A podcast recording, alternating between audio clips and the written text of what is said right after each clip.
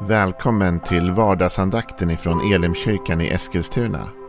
Det här är en podcast som kommer ut måndagar till fredagar. Om du vill veta mer om vilka vi är, vad vi tror på, hur du kan komma i kontakt med oss eller vad vi kan erbjuda dig för någonting så gå in på www.elimkyrkan.com. Får jättegärna gå in och likea vår Facebook-sida.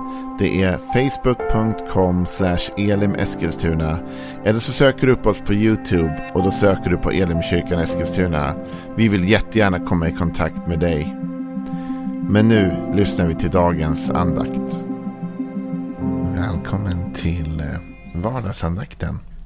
Vi håller på med psalm 119 och går igenom den lite grann. Vi, det är en väldigt, väldigt lång psalm. Och vi har sagt att vi kan inte ta alla verser. Det skulle ta alldeles för lång tid. Men vi tar det vi hinner igenom. Och eh, tar lite bit för bit sådär. Och vi eh, körde förra veckan en hel del. Och jag vill få läsa igen de åtta första verserna tills vi är klara med dem i alla fall. Och det står så här. Saliga är de som vandrar i fullkomlighet, som lever efter Herrens undervisning. Saliga är de som tar vara på hans vittnesbörd, som söker honom av hela sitt hjärta, som inte gör orätt utan vandrar på hans vägar. Du har gett dina befallningar för att de ska hållas noga, om bara mina vägar var rätta så att jag höll dina stadgar. Då skulle jag inte skämmas när jag tänker på alla dina bud. Jag vill tacka dig med ärligt hjärta när jag lär mig dina rättfärdiga domar. Dina stadgar vill jag hålla, överge mig aldrig. Jag har redan talat mycket om att den här versen handlar om inte bara att vara fullkomlig, eller göra fullkomlighet, utan längtan efter fullkomlighet och längtan efter att göra det som är rätt. För du och jag, vi är ju inte fullkomliga. Men vi kan ha en längtan efter att bli mer hela. Och en längtan efter att göra det som är rätt och leva på ett sätt som behagar Gud. Och det är det som David väldigt starkt tycker jag uttrycker i den femte versen. Om bara mina vägar var detta. Så att jag höll dina stadgar. Så här talar David inte om att han lyckas med allt. Men han talar om att det är hans längtan, hans ambition att ta vara på Guds ord och göra det. Och hela den här salmen, psalm 119, handlar ju i det stora hela om Guds ord om Bibeln. Men nu kommer vi till den sjätte versen. Och den säger så här. Då skulle jag inte skämmas när jag tänker på alla dina bud. Här talar David om, kan vi kalla det dåligt samvete? Han säger att han skäms. Och när skulle han skämmas? När han tänker på alla Guds bud. Om han vandrade rätta vägar och höll Guds stadgar, då skulle han inte behöva skämmas. När han tänker på de bud och de regler, de tankar, de, de, de instruktioner som Gud har gett. Men här säger han att han faktiskt skäms. Och det är ju skillnad va? Det är en ganska stor skillnad. När du och jag inte vet bättre eller när vi faktiskt vet. Alltså när vi inte vet vad Guds ord säger. Eller vad Gud vill. Eller vad Gud har tänkt. Då skäms vi inte heller. För vi vet inte bättre. Då agerar vi bara i ovisshet och okunskap. Men skäms det gör vi ju när vi egentligen visste bättre. Det är ju när vi egentligen vet vad som är rätt. Men vi väljer att göra något annat. Det handlar inte bara om att vara ovetande. Eller leva i okunskap eller oförstånd. För Gud har ganska mycket överseende med det. När vi inte vet bättre så är Gud nådefull och förlåtande ofta. Och vill undervisa oss och vill leda och lära oss. Men när vi vet bättre. Men lägg också märke till här att David inte säger att Gud skäms. Utan att han skäms. Det här återspeglar inte vad Gud känner för David. Det här återspeglar vad David själv känner om sig själv inför det faktum att han kanske inte alltid håller buden. Och då skapar buden lite av en, en skam i honom. Att jag borde ju veta bättre. Jag skulle vilja kalla det för en sorts moral eller etik som kommer ur gudsrelationen. Min pappa han är väldigt, väldigt duktig på att undervisa om just etik och moral. Han har gjort det på både skolor och i kyrkor och på många olika platser. Och det finns många olika skolor vad det gäller det där med etik till exempel. Det finns pliktetik, det finns dygdetik och så finns det många andra också. Etiker som bygger på olika principer som vi applicerar då i liksom vårt liv. Va? Vissa är drivna av plikten i alla lägen. Men sen finns det kanske en etik, tänker jag, till här då. En andlig, moralisk etik som kommer från Gud. Och det är den David talar om här. Den som kommer från Guds stadgar och Guds bud. Guds ord formar en etik i oss, en moral i oss.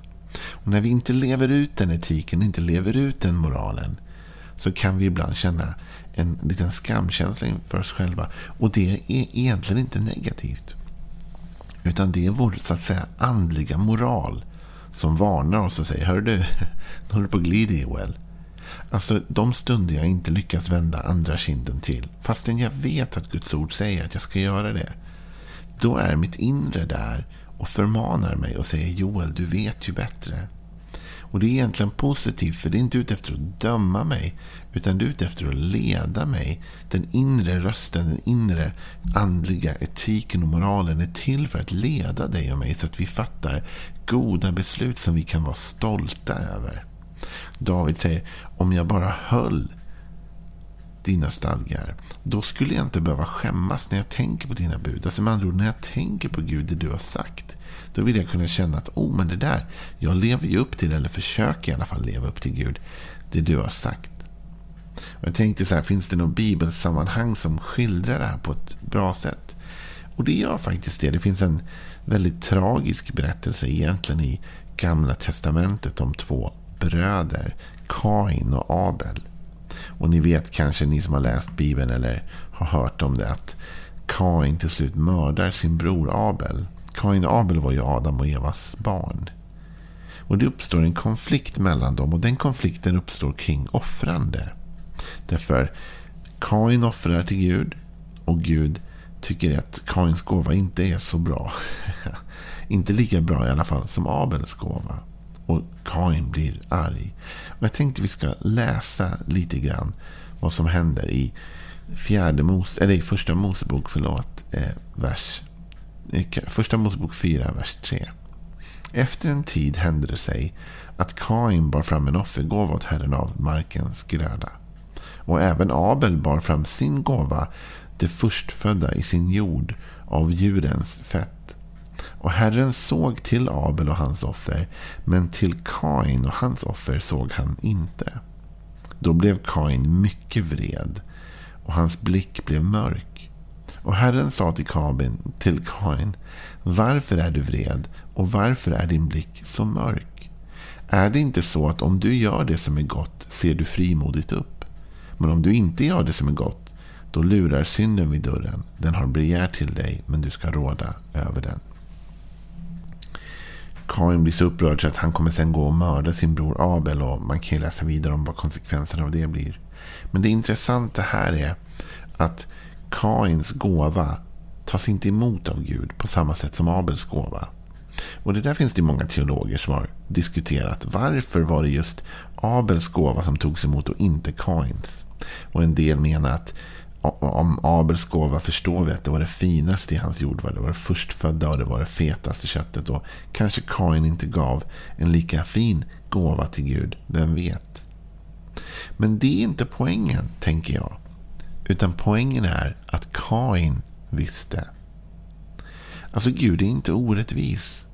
Och när Gud inte tar emot Kains gåva så är det därför Kains gåva är inte rätt. Och Kain vet om det. Så Gud säger till Kain, för Kain blir mycket arg och hans blick till och med blir mörk. Och han sänker blicken. Och Då säger Gud till Kain, varför är du vred och varför är din blick så mörk? Är det inte så, säger Gud, att om du gör det som är gott ser du frimodigt upp. Så Kains agerande visar på att han har redan dömt ut sig själv. Hans egen etik och moral har dömt honom. Han vet själv att hans offer inte var tillräckligt. Vad nu det berodde på, och det vet inte du och jag. Men Kain visste, därför Kains blick blev mörk och vred och han sänkte blicken och han dömde sig själv.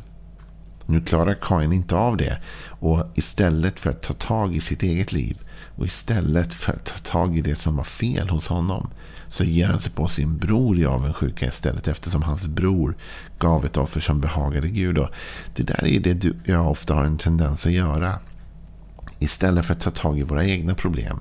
Istället för att ta tag i, i det som är fel hos oss. Så ger vi oss på någon annan istället. Och, och vi blir störda av att någon annan följer Guds bud när vi inte klarar att göra det. Och så ger vi oss på dem. Men Gud säger till Kain. Kain, om du hade gjort det som var rätt här. Då hade du tittat upp frimodigt. En frihet. Och det är det som också är grejen. Att när du och jag vet att vi inte lever efter det Gud har tänkt och sagt. Så skapar det också något i vår relation med Gud där vi sänker blicken. Istället för att vara frimodiga i vår relation med Gud. Och här behöver inte du och jag veta. Och jag tänker ibland att det finns en poäng med att vi inte vet varför Kains blick var nedstämd eller nedtryckt. Vi vet inte vad det var som var fel i Kains offrande. Och vi behöver inte veta det. Men vi vet själva, i oss själva, ofta vad som är fel i vårt eget agerande. Därför den helige ande som bor i oss som kristna. Han vittnar när vi går åt fel håll. Och buden vittnar när vi inte håller dem, när vi bryter mot dem. Så skadar det vår, vårt inre, vår inre moral. Och jag tänker så här. Det här har ju varit Guds plan hela tiden. Att hans ord inte bara ska läsas utan faktiskt ta plats i oss till den nivå och grad att de utvecklar och utformar vad vi kan kalla för då en andlig etik en moral.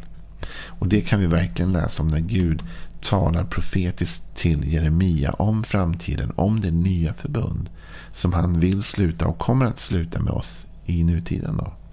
Och då står det i Jeremia 31 och 33 ganska välkända verser så här. Nej, detta är det förbund som jag efter en tid ska sluta med Israels hus, säger Herren. Jag ska lägga min lag i deras inre och skriva den i deras hjärtan. Jag ska vara deras Gud och de ska vara mitt folk. Alltså Gud säger, jag ska lägga min lag eller mina bud, mina ord i deras hjärta. Det är då det går förbi bara vårt intellekt och det går förbi bara liksom våra hörselgångar. Va? Det landar i hjärtat och när det landar i hjärtat då har det blivit moral och etik. Då har det blivit saker som styr, då har det blivit samvete i oss. Och Gud har hela tiden haft som en längtan att kunna placera sina ord i oss som ett samvete. Och det har blivit möjligt först genom den heliga andes utgjutande i det nya förbundet. När den heliga ande tar boning, boning i oss. Då tar också Guds ord boning i oss. Och vi får en andlig moral, en andlig etik, ett andligt samvete. Inte bara vad samhället tycker är socialt accepterat. Utan vad Guds ord anser och vad Guds ord tycker. Det ligger i vårt hjärta. Och vi vet egentligen när det bryts. Jag är inget jättestort fan av att gå till rätta med andra människor. Alltså, om du har mött mig någon gång eller varit i kyrkan där jag är pastor i Elimkyrkan i Eskilstuna eller lyssnat till någon förkunnelse från mig så vet du att jag är inte en av dem som tycker om att gå och peta i andra människors liv och döma dem.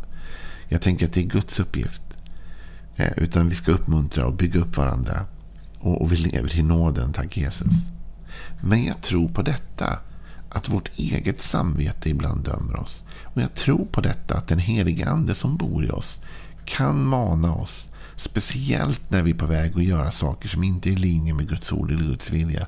Och att det ska ses som vårt andliga samvete. Och att det samvetet, den moralen, vill oss väl. Att de här buden inte är till för att sänka oss utan bygga upp oss. Och Gud manar oss i vårt inre hela tiden att fatta goda och kloka beslut. Så jag vill uppmuntra dig idag att lyssna till den inre rösten. Att lyssna till den andliga etik och moral som finns i ditt hjärta.